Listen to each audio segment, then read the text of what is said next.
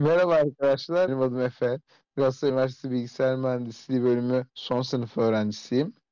Üniversiteden mezun olduktan sonra yurt dışında yüksek lisans yapmak istiyorum. Bunu yapmak isteme sebebim yurt dışındaki e, önemli kurumların, ARGE üzerine e, olan kurumların genellikle çalışanlarından yüksek lisans mezunu olmalarını beklemeleri ve e, Türkiye ekonomisi sebebiyle ben de en azından yurt dışına bir ayağımız olsun gibi düşünüyorum ve en azından bir sürede olsa yurt dışında çalışmak istiyorum.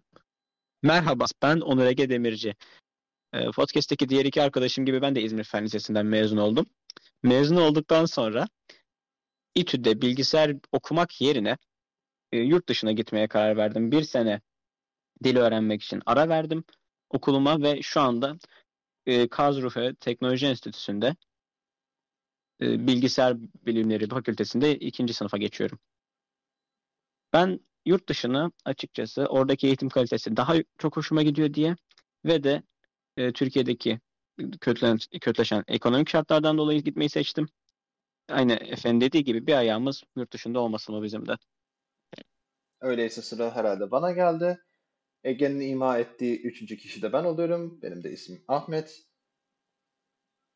Ama genellikle Akkoç diye tanınıyorum. İzmir Fen Lisesi'nden mezun olalı bayağı bir sene oluyor. Üstüne Koç Üniversitesi'nde bilgisayar mühendisliği yaptım. Ondan sonra da iki sene önce Kopenhag, Kopenhag IT Üniversitesi'nde veri bilimi okumaya geldim. Şimdi de işe gelmiş Kopenhag'da çalışmaya başladım. Bu süre boyunca yurt dışına çıkmaktaki yaşadığım zorluklar, yurt dışına çıktıktan sonra bulduğum kolaylıkları anlatabilmek için bir ortam arıyordum. Hali hazırda Ege yeni yurt dışına çıkmış olarak, Efe de çıkmayı düşünmüş olarak üç arkadaş bir podcast başlatalım diye düşündük. Tamamen yurt dışına çıkmak nasıldır, yurt dışında okumak nasıldır, tecrübelerimizi, tavsiyelerimizi ve pişmanlıklarımızı dile getirmek için.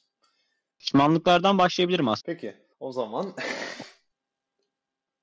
yurt dışına çıkmadan önceki pişmanlıklarla ilgili bir ufak bir anekdotum var. Oradan girebilirim diyordum. Olur. Hmm. Aslında benim burada en büyük pişmanlığım 9. sınıfta adam gibi dil öğrenmeye başlamamış olmak. Ee, şayet ben 10. sınıfta başladım Almanca öğrenmeye. Ve hani zamanında üzerine çok asılmamış olsam bile bana bir altyapı oluşturdu bu. Ama daha sonra araya 11. sınıfın girmesiyle ki üniversite sınavı kaygısı nedeniyle 11. sınıf e, dil öğrenmeye istediğim kadar yoğunlaşamadığım bir alan bir zaman e, girmesiyle tabii Almanca öğrenmem yavaşladı. Daha sonra pandemiyle beraber tamamıyla durdu. Bu durum böyle olunca ben e, liseden mezun olduktan sonraki yazımı Almanca öğrenerek geçir, geçirdim. Tabii bu da büyük bir sıkıntı değil. E, şartlı kabul sınavlarına yetişebilseydim hiçbir şey değilse o dönemimi orada şartlı kabulün kurslarında geçirip kış dönemi ya yaz döneminde başlayabilirdim. Yaz dönemi de tabii ki Ocak'tan sonraki dönem oluyor. Ancak e, ne ben şartlı kabule gerekli belgeyi alabildim ne de vizemi alabildim oraya gitmek için. Vizemi alamayınca bekledik vize gelsin diye. Daha doğrusu vizenin randevusunu vermelerini bekledik. Randevuyu vereceklerdi. Sonra ben randevuya gidecektim. Sonra orada derdimi anlatacaktım dil kursuna gitmek istediğimi. Sonra vizeyi vermelerini bekleyecektim. Tabii o zaman bundan haberim yoktu ama randevuya gidebilseydim bile vizeyi vermeleri iki aydan uzun sürebilirdi. Ya bu her türlü benim programımın çok gerisine koyardı. Ben de en sonunda Ocak ayı geldiği zaman bu mezun olduğumdan sonraki Ocak ayı oluyor. Tam yeni yılın başlangıcında 2022'nin ilk günü vizeyi beklemekten vazgeçip e, yeşil pasaportu Almanya uçmaya karar verdim. İşte buradaki de ikinci pişmanlığım. Keşke bunu daha erken yapsaydım diyorum. Daha erken yapsaydım belki okula bir dönem erken başlamış olabilirdim. Hoş. E, burada tabii iyi bir noktası var bunun.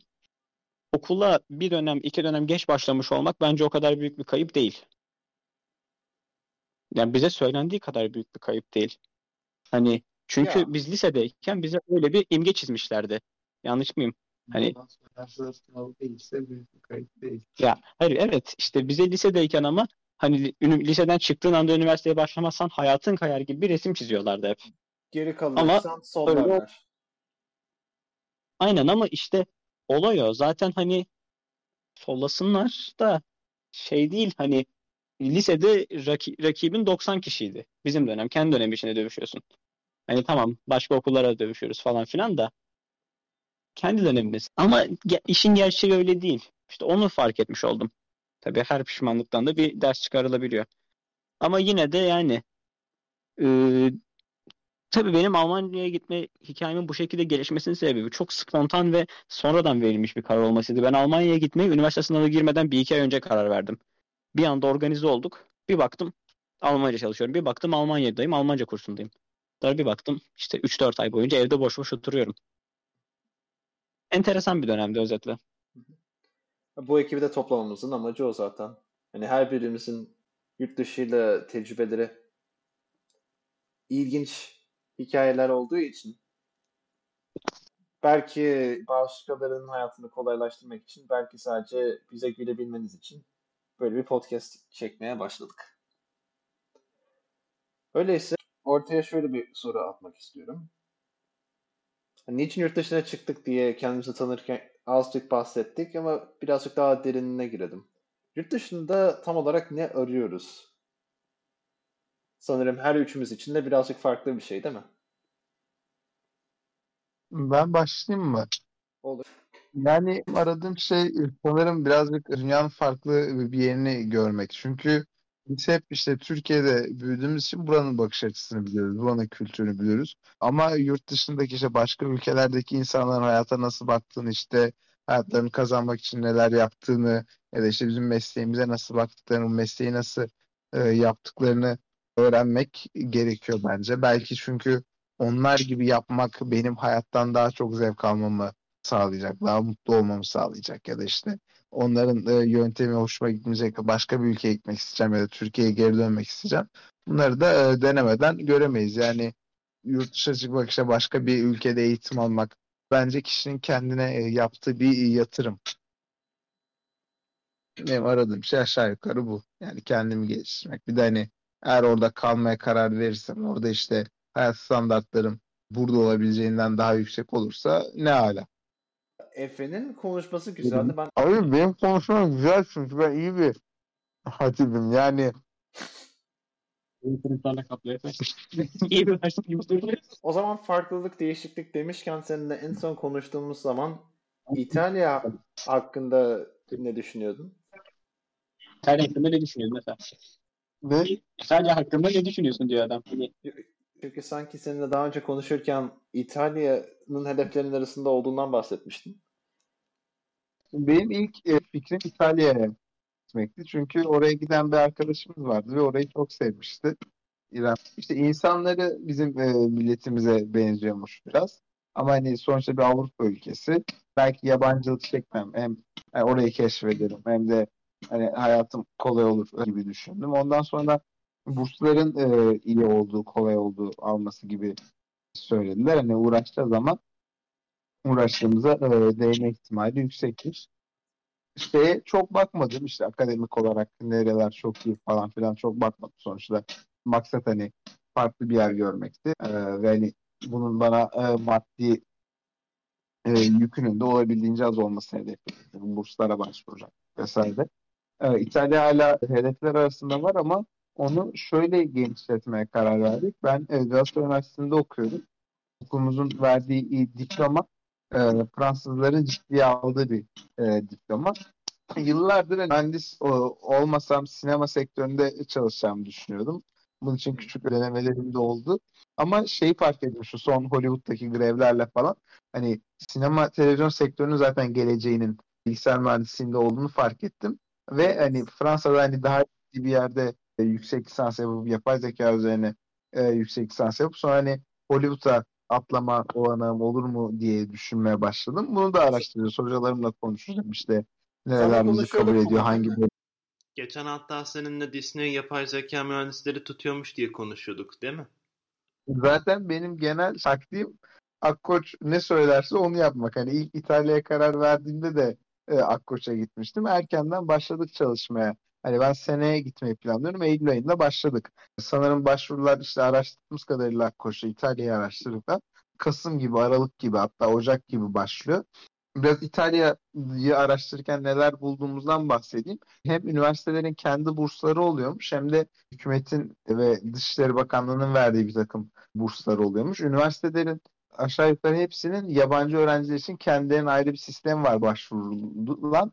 Oradaki yönergeleri e, takip ederek kolayca e, başvurabiliyorsunuz. E, ve yani İngilizce zaten hani e, yabancı öğrencilerin gelip orada İngilizce bir şekilde eğitim görmesini e, istiyorlar. Kültür çeşitliliği olması açısından vesaire. E, bunun için hani olabildiğince kolaylaştırmışlar.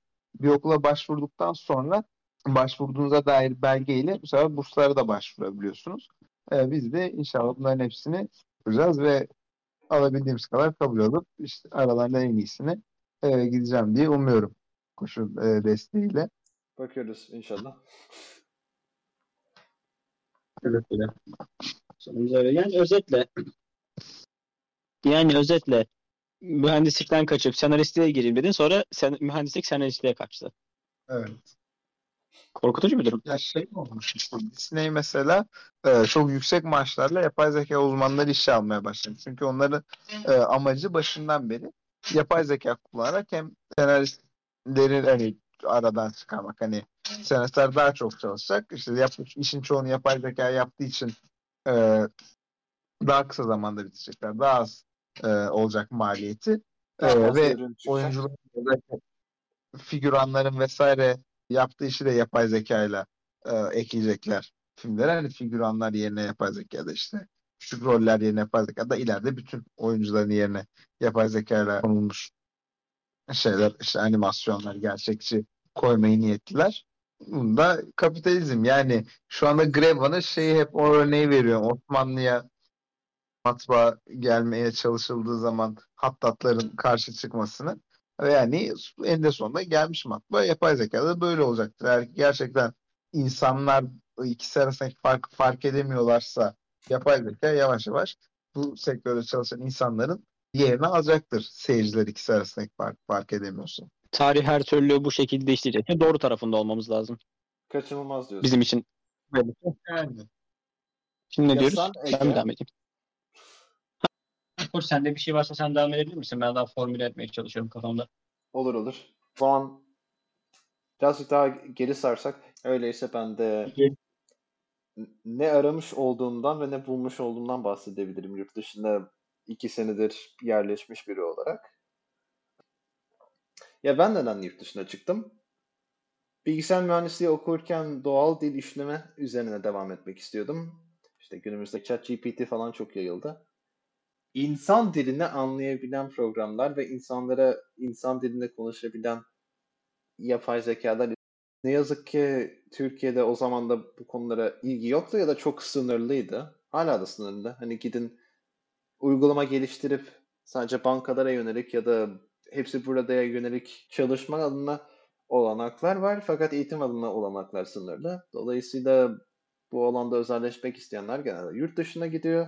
Bir kısmı yurt dışında kalıyor. YouTube'a, mutuba Türkçe altyazı o şekilde geldi. Bir kısmı Türkiye'ye geri dönüyor. Araştırmacı olarak Türkiye'de e, kariyerine devam ediyor. Ben hangi tarafa yöneleceğimi daha çok iyi kestiremedim. Ama yurt dışına çıkmamın öyküsü buydu. Yurt dışında benim aradığım temelde branşlaşma olduğu için gittim internetten çeşitli ülkeleri, çeşitli üniversiteleri araştırdım. Sıradan hepsini yazdım. En sonunda birine kabul olduğum zaman oraya gittim. Benim stratejim buydu. Peki buldum mu sonuçta aradığımı? Yurt dışına çıkışım doğal dil işleme üzerineydi. Ama uzmanlık yaparken yüksek lisans esnasında açıklanabilir yapay zeka işte explainable AI diye geçiyor. XI öğrendim. Tıp için yapay zeka üzerine çalışmaya başladım. Hani bunları belki Türkiye'den de kapabilirdim. Fakat yola çıkış itibariyle aradığım şey en azından Türkiye'deki e, eğitim ve iş kültüründen farklı, belki ters bile düşen bir yolken en azından şu an yerleşmiş olduğum Danimarka'da hani gayet yerli yerindeydi. Edinmiş olduğum bu hani yan ilgilerin hatta mesleğimde sonuçta şimdi tıp verisi kullanıyorum daha çok. Dil işleme için gittiğimi söylemiştim ama açıklanabilir yapay zeka ya da sağlık için yapay zeka üzerinde çalışıyorum. E, Sonuçta evdeki hesabın çarşıya uymayacağını her zaman göz önünde bulundurmak gerekiyor. Aslında ben e, yurt dışına çıkarken bu kadar planlı ya da programlı değil olmadım. Ben yurt dışına çıkmayı yurt dışına çıkmaktan 2-3 ay önce yani daha doğrusu üniversiteden 2-3 ay önce karar vermiştim. Bir anda kendimi o prosesin içinde buldum. Tamam çok güzel eyvallah. Ben şimdi fark ediyorum. E, yurt dışına o zaman çıkma sebebim işte genel iki kavram daha iyi eğitim, daha iyi yaşam şartları için. Hani çıkarım, bir kapağı oraya atmak gibi olurum, daha iyi bir eğitim görürüm gibi bir zihniyetle gitmiştim.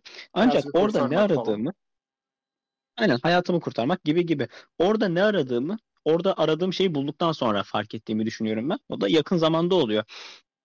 Benim aradığım hani eğitimdeki daha iyiden kastım tabii kalite olarak iyi olması mühim.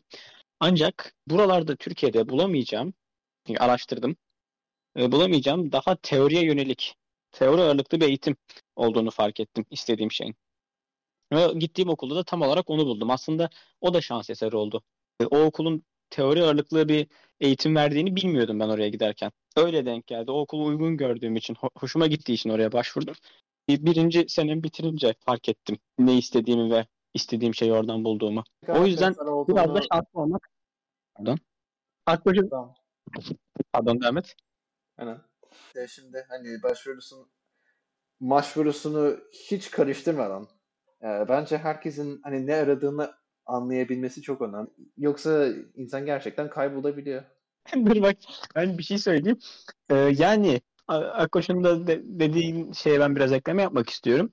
Ee, yurt dışında aradığınızı bulabilmeniz için ne aradığınızı bilmeniz çok faydalı. Tam olarak aradığınız şeyin sizin aslında aradığınız şey olmadığını fark edebilmeniz çok faydalı. Biraz da şanslı olmak gerekiyor.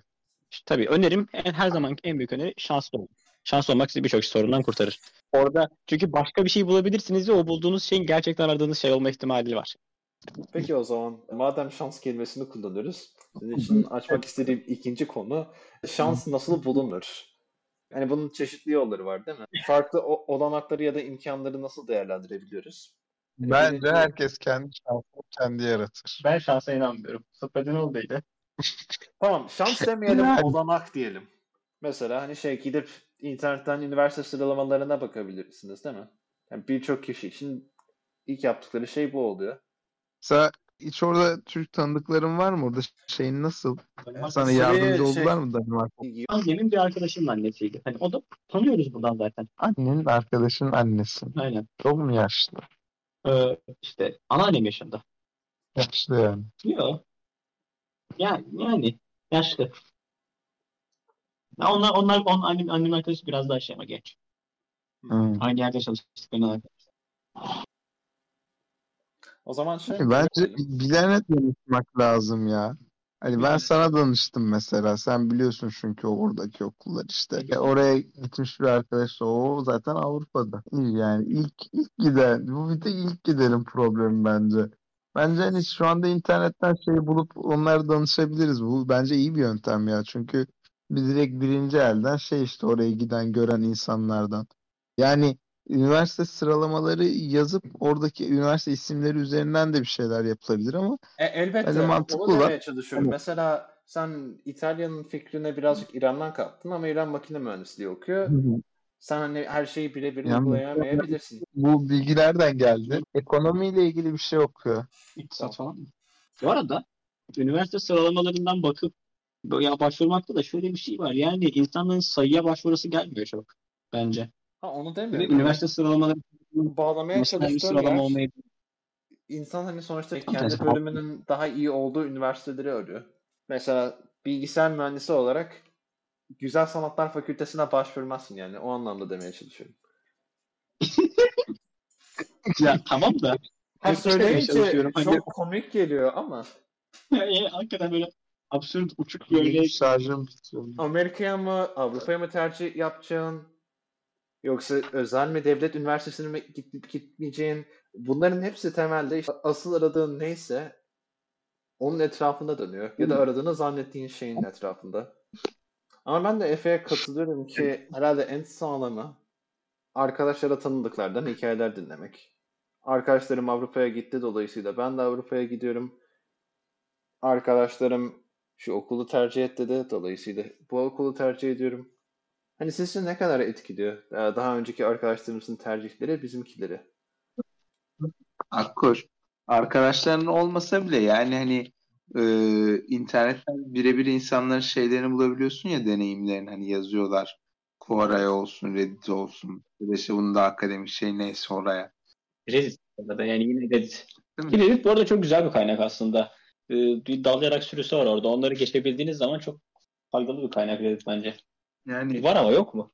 bence gerçekten birinci şey olmalı. Zaten okulların kendi sitelerinde hani e, gayet güzel anlatıyor ki. İtalya'da öyle bir şey var. Daha Fransa'yı çok derinlemesine inceleyemedim de. Bir istiyorlar. Yabancı öğrencilerin gelmesini ve işte e, internasyonel bir ortam oluşmasını istedikleri için güzelce açıklamışlar yani şey yapmışlar. Hani kaynak var ya sadece biraz üzerine vakit geçirmek gerekiyor. Evet. Ama kaynaklarını bulmak gerekiyor. Bak şeye geçelim mi Koç? Türk Türk'ü gurbette ne Ha, yapar? Türk Türk gurbette ne yapar? Bulur mu? Başka şeyler mi yapar? Ya da Ben- korur mu? Milliyetçi bir bakış açısıyla güzel şeyler hayal etmek istiyorum. Sizin deneyimlerinizi merak ediyorum. Benim deneyimim bu konuda çok iyi olmadı. Anlat Ege. Yani aslında ya başıma aşırı böyle spesifik bir şey gelmediği için o konu üzerine konuşmak da garip geliyor ama yani Ama ben benim o aklımda çok şey var eğer e, sen hazırlıksızsan Ege. ben bu konuda kısa bir şey söyleyeceğim sonra sana geçeyim. Ya ben bu konuda şöyle bir durum var. Hani milliyetçi bir bakış açısıyla bakıyordum ben de gitmeden önce. Hepimiz Türk değil miyiz? Birbirimizi kollarız falan. İşte Hani birçok kişi yardım etmeye çalışıyormuş gibi. Tek ordu katılmayan korkak. Tamam o ordu ya benim gördüğüm şekilde ordu bir yere giderse biz hiçbir yeri ele geçiremezmişiz. Çünkü hani birçok kişi yardım etmeye çalışıyormuş gibi yaptı. Ama hiçbir icraat göremedim. Ki Oradakilerden orada bana çok faydası olan bazı insanlar o çok yardımcı oldular sağ olsunlar. Onlar da zaten buradan tanıdığım insanlardı. Hı. O yüzden ben bu konuda Türk Türk'ü gurbette yani belki bulur diyorum. Gerisini diyemiyorum. Pekala sıra bende madem. EG'ye takiben ben de şey diye düşünüyorum. Hani bunun kesinlikle biraz tanıdık A ya da tanıdık I olayı var. Hani memleketten gitmişler tabii. Birbirlerine sahip çıkar. İşte Konyalılar Konyalıları kollar mesela. Danimarka'nın Türk nüfusu özellikle Konya ve Karadeniz civarından geliyor. Egeli olarak ben birazcık yabancı kaldım. Sonuçta Ender hani bir iki İzmirli'ye denk geldiğim zaman sohbet muhabbet dönüyor. Ama büyük ölçüde özellikle ilk değil de ikinci nesil nüfus kendini ülkesine ait görüyor milletinden ziyade. Mesela tanıştığım Türk bir arkadaş vardı. Eren'di galiba o da. Ee, Burada profesyonel tekken oynuyor. Ve onun için Türkiye sadece yaz tatillerinde gördüğü anneannesinin deresini falan yaşadığı bir memleket. Türkçe konuşabiliyor. Dili mili falan kapmış. Ama herhangi bir şekilde işte ben de Türk'üm, şu çocuk da Türk şeklinde birbirimize karşı bir yakınlık hissetmedik. O benim için de sıkıntı değil. Öte yandan bir kez Özgür diye bir çocukla tanışmıştım. İşte bizim iş yerimizin olduğu binada başka bir yerin insan kaynaklarında çalışıyor. Vay be sen veri bilimcisi değilmişsin gibi gerçekten benimle gurur duydu. Yani kişiden kişiye çok değiştiğini düşünüyorum. Olay gerçekten insan ağları etrafında dönüyor. İşte aileler birbirini bir şekilde tanıyabiliyorsa. Belki gerçekten komşusu, memleketten komşusuyla beraber göç etmiş olanlar oluyor. Ortada ortak il olacak. Onlar birbirlerine herhalde gurbette yakınlık hissedebilirler. Ama daha genel anlamda... Onlar zaten konuşuyor. Evet evet. Ne yaşadım mesela? Yunanlar ya da Bulgarlarla tanıştığım zaman onlar da daha belki birazcık daha sıcakkanlı oldu. Çünkü hani grupta birer birer olduğumuz zaman diğer herkesin yanında biz birbirimize daha yakın kalıyoruz. Yoktur. Bu konu galiba çok saptı ya. Yok yok ben bu aslında yok. Benim tam söylemek istediğim şeye bağlandım. Ben bir, bu konuda bir hipotezim vardı. Onu söyleyecektim. Onunla alakalı bir şey söyledim. Pardon araya atlıyorum ama. Olur olur. Şimdi Bir podcast bu sonuçta. benim düşüncem bu. Şimdi benim düşüncem şu. Aslında hani bir ülkeye gidince o ülkede kendi milletini seni e, kollamasını bence şeyle bir orantısı var. Hani o ülkede milletin nüfusu ne kadar az. Çünkü zaten mesela ülkenin onda birisi Türk olduğu zaman bakınız Almanya hani bir başka bir Türkiye denk gelmek çok nadir bir şey değil. O yüzden hani bir bütünlük oluşmuyor. Çünkü mesela Türk Türk'ü Türkiye'de kollamaz. Zaten bütün ülke Türk. Ama Danimarka'daki Türk belki daha azdır. Bilemiyorum. Ya daha az diye tahmin ediyorum. Ki bu mesela Amerika'dan duyduğum kadarıyla orada daha da az. Evet. Orada daha sıkı bağlı oluyorlar birbirlerine. Bu Orada konuda mesela bayağı şey Balkanların 23 Nisan'da falan şey e, sokaklara inip e, kutlama yapıyorlar değil mi? Tabii canım. Aynen öyle. Bir de mesela şeyle ilgili. Bulgaristan'la Yunanistan'la ilgili dediğin şey de öyle. Mesela hani genel olarak Balkanlar diyeceğim. Şimdi çok karıştırmayalım ama evet, misal bir ülkede işte e, bir, bir Türk sensin işte Yunanistan'dan bir kişi, Bulgaristan'dan bir kişi, işte bir kişi de şeyden hani hepinizin ortak bir kültürel altyapısı var. Hani yüzde yüz ortak olmasa bile. Öyle olduğu zaman o insanlar birbirine bağlı hissedebiliyor. Çünkü o insanlar birbirine bağlanmazsa hani dört birbirine bağlı dört kişi yerine koca bir ülkenin içinde dört tane yabancı olarak kalıyor. Kimse de yabancı kalmak istemiyor. Bana kalırsa aynen kimse de kimse de aynen özetle o kimse de yabancı kalmak istemez hiçbir yerde. O yüzden insanlar yabancı kalmak zorunda kalmamak için ellerinden geleni yapıyor. O yüzden zaten oraya bir kabile olarak gitmiş olan insanlar ya da bir kabileden kastım burada kalabalık bir grup. Bir arkadaşımın bana şey demişti. Biz zaten buraya kabile olarak geldik. O yüzden ben çok eksikliğini çekmedim demişti. Hı. Ee, bu arkadaşın Almancası da belli bir seviyedeydi zaten. Çok daha yukarıya gidememiş. O kadar kötü değildi canım. Çocuk yine konuşuyordu. Adam orada me- mezun olduğu lisanstan yüksek lisansa geçti. Hani yine belli bir seviyede. Bence her iki gruptan da yabancılık çekiyordur. Hani emin olun ileriki bölümde e, Türk diasporasına yakından gireriz. Ama şimdilik Efendim? umarım ki bu cevaplar Efe için tatmin edici olmuştur. Güzel şey yaptım. almak orada almak istediğim abi. çekiyordu. Türkçen dinledim. Güzel. Teşekkür ederim. bahsedebileceğimiz son bir konu var.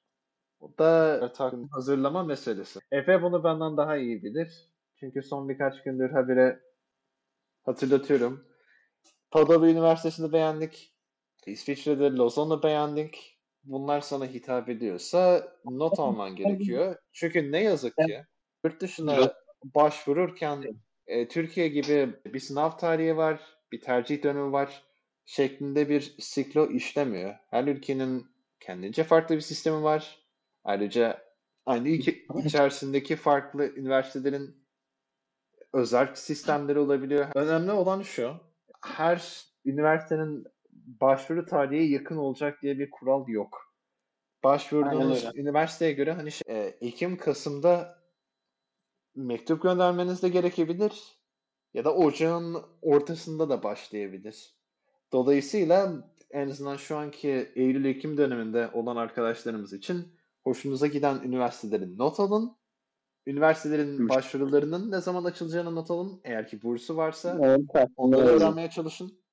Ve takviminize işaretleyin. Çünkü hiçbir şekilde hani Ekim içerisinde bütün başvurularımı halledeceğim diye bir dünya yok ne yazık ki. Zaten daha hiçbir açılmamış o da Kasım'da falan başlıyor. Bence en güzel işte o bir önceki yaz ya da işte Eylül'de falan biz Eylül'de başladık. Şey hiçbir şeyde kaçırmadık. Hatta daha bol bol da vaktimiz var. Erken başlayın. Yani erkenden araştırıp hepsinin başvurmak istediği yerlerini takvime yazmak. Bir de şöyle bir şey var. Şimdi daha mezun olmamış oluyorsunuz yüksek lisansa başvurduğunuzda. Çoğu yer hani bu hem burs olarak hem şey olarak kabul ediyor bunu üniversite olarak. Bazıları şey demişler sadece hani eğer ki böyle bir durumunuz varsa bize bilgi verin mail atarak demişler. Mezun olmadık vesaire ama işte mezun olacağız bu Haziran'da gibi. Ee, bunu kabul etmeyen de sadece şeyle karşılaştık. Invest Your Talent diye bir program vardı İtalyan Dışişleri Bakanlığı'nın. Sadece o hani mezun olduktan sonra ancak başvurabiliyordun. Yani öyle olunca da bir yıl beklemen gerekiyor falan tatsız hani ona muhtemelen başvurmayacağız. Ee, onun dışında şey çok sıkıntı olmuyor. Hani son senenizde üniversitedeki yüksek lisans için başvurabiliyorsunuz. İtalya'da böyle en azından. Diğer yerleri de araştırdıkça bu podcast aracılığıyla sizinle paylaşacağız. Ha, Ege uzaklardan geliyor Almanya hakkında bilgi vermek için. Lisansla ilgili ben kendi okulum hakkında bir şey söylemek istiyorum. Benim okulumda KIT'de yüksek lisansı lisans bitmeden başvurup hatta başlayabiliyorsunuz. Normalde lisans 3 sene, yüksek lisans 2 sene ama beraberinde 4 senede bitiyor. Demek ki. Hoş. Ee, o okulun içimden bir ses hani baştan ne yaptığımı bilerek ve bir atmaya hedefli bir şekilde girseydim 4 dönemde bile bitermiş o lisans. Vay be. Öyle bir his var. 4 dönemde de biter o lisans. Bir sene. Yani 4 dönem Efe. 4. Bir sene, üç dönem zaten. Bir sene ve Bir sene 3 dönem değil 2 dönem. Bizde. Tamam, sen üç dönemde ya- yaz döneminde yok mu? Bizim o yaz dönemi bak bizim yaz dönemi Mart'ta bir başlıyor Ekim'de bitiyor. Hı. Bizim senenin yarısı bir dönem yarısı öbür dönem. Ha? Hı hı. Yaz dönemi deyince ben de hani Ankara Toplu Aynen öyle. Ve özetle işte her okulun şeyi farklı oluyor. Sistemi farklı oluyor ve hani e, genellikle mezun olana kadar beklediğiniz zaman o sistemi öğrenmek için çok geç kalmış oluyorsunuz. O yüzden erkenden başlayın. Yani erken planlayın. Çünkü erken planlarsanız şanslı olmak zorunda kalmazsınız. Lise adına bir de şey. Sen belki birazcık daha yardımcı olabilirsin. E, dil sınavları daha erkenden alınabilir. Ne- özel okulda olanlar için mi? Şu AP sınavları falan. Bizde onu bilen kimse yok ya. İşte bizde onu bilen kimse yok. Biz onların Biz nesil olarak o bizden sonra Türkiye'de yaygınlaştı. maalesef bize denk gelmedi o. Hı. Ve şey hani Amerika için galiba daha çok gerekiyor AP sınavları Ee, ve bizde Amerika Bir Amerika Harika, değil. Amerika. Şöyle ki koç bilgisayar dönem birincimiz AP ile girdiği için fizik kimyadan falan muaf kaldı. Ha, iyiymiş. Yani geçtiği üniversiteler var. Araştırmak lazım ama ciddi sıkıntı şu an ne yazık ki. AP sınavı yapan liseler büyük ölçüde İstanbul etrafına toplanmış bir kalabalık. Özel okullar Efe, istifade etmesi şey pek mümkün değil İstanbul dışından. Ankara'da da vardır gerçi bir iki tane. TED, MED'de falan. değil mi? İzmir'de de var. İzmir'de Atatürk şey, Lisesi'nde var. Atatürk yapıyor mu artık abi? Yapıyor sanki şeyden beri. Ben mezun ol, ola yazdığımda yapıyordu. 10 girmişti. Sizin çocuklar tabii. Sizin çocuklar şimdi çocuk daha. Yani bizim zamanımızdan bayağı sonralar. Ama büyüdüler ama artık. Sen de haklısın ya. Bizim çocuklar bile büyüdü hani. Ha. Biz de yaşlandık galiba. Kısmet. Kısmetimiz buymuş ne yapayım. Herkesin kısmeti bu da. E, o zaman hadi veda edelim. Hadi veda Değerli edelim ve gidip uyuyalım. O zaman Takvimleri işaretlemeye devam diye ayrılıyor muyuz? Ee, Ya. bir slogan lazım. Ee, dur ben yapacağım ben yapacağım. Sirkülata devam. Ee, Mevlat işleriyle Sirkilat e, podcast'inin bu lisansını Montana Tepesi'ne, şehrin kötü çocuklarına, kadınları ve hayatı öğrenmeye devam ettiğimiz Kadıköy sokaklarına adıyoruz. İyi geceler. Word up. Tabii öyle bir şey mümkünse. Bu göndermeleri anlamıyorum Efe. Şeyi, şeyi öyle bitiriyorlar ya her bölümünü. İyi. e, kaybedenler kulübünü. Her seferinde farklı bir yere arayalım. Her seferinde farklı bir şey arayalım. Her seferinde farklı bir yerden çalalım. Ha, o da olur. Hayır. Lütfen düzgün bir bitiş olsun. Tamam düzgün. Niye bir çeşitli düzgün bir şey olsun ama hani çeşitliliği düzgün olsun. O, orası kabul. Orası kabul. Mesela, gerçi o buraya çok uymaz. O formatı farklı. Gibi geçiyor. Söyle. Ya benim bir dinlediğim bir tane podcast vardı. O podcast ama şey formatında, yarışma formatında. Her yer podcast bölümünün sonunda bir ödül veriyorlardı kazanan ama verdikleri ödül tamamen hani espri bir şey. Ama işte hani bizim yarışma gibi formatımız yok. henüz. Aa. Evet. Bölümde bahsetmiş olduğumuz çeşitli şeyin linklerini podcast açıklamasından bulabilirsiniz. Ve iyi akşamlar. Ve iyi akşamlar. Ve iyi akşamlar mı? Evet. Öyleyse gözler takvimde bir daha görüşmek üzere. Hoşçakalın.